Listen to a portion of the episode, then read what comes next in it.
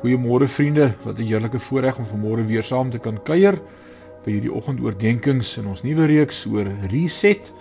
En ons praat oor buitensporige liefde.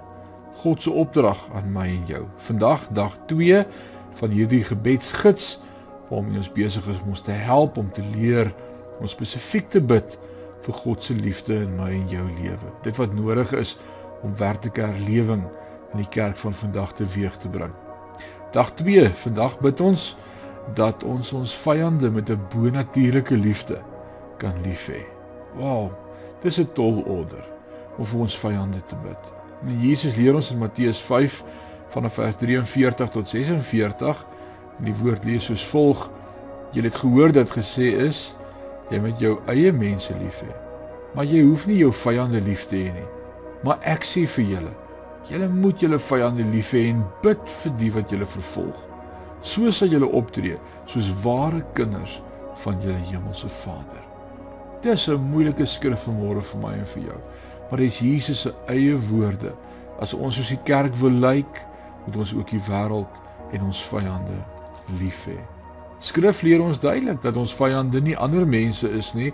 Die woord sê in Efesiërs 6 ons geveg is nie teen vlees en bloed nie, maar teen bose hemelse regerders en maghebbers, teen die geeste wat mag in hierdie donker wêreld uitoefen.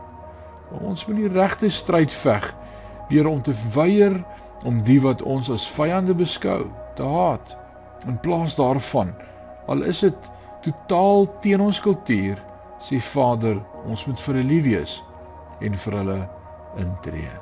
Kom ons bid vandag dat die Here ons hiermee sal help. Here, ek sukkel met van die mense in my lewe. Hulle wie hulle harte teen my gedraai het en verkeerd teenoor my opgetree het of teen iemand wie ek liefhet. Herinner my daagliks dat die mense nie my vyande is nie. Wys my hoe om vir hulle te bid sodat my hart sal sag word en verander. Skep in my 'n hart van vergifnis en verwyder enige bitterheid. Ek kan nie uit my eie vir hulle lief wees nie. Maar deur u bonatuurlike liefde wat my eie emosies en gevoelens te bowe gaan, bid ek dat u deur my sal lief hê al is dit moeilik. Amen.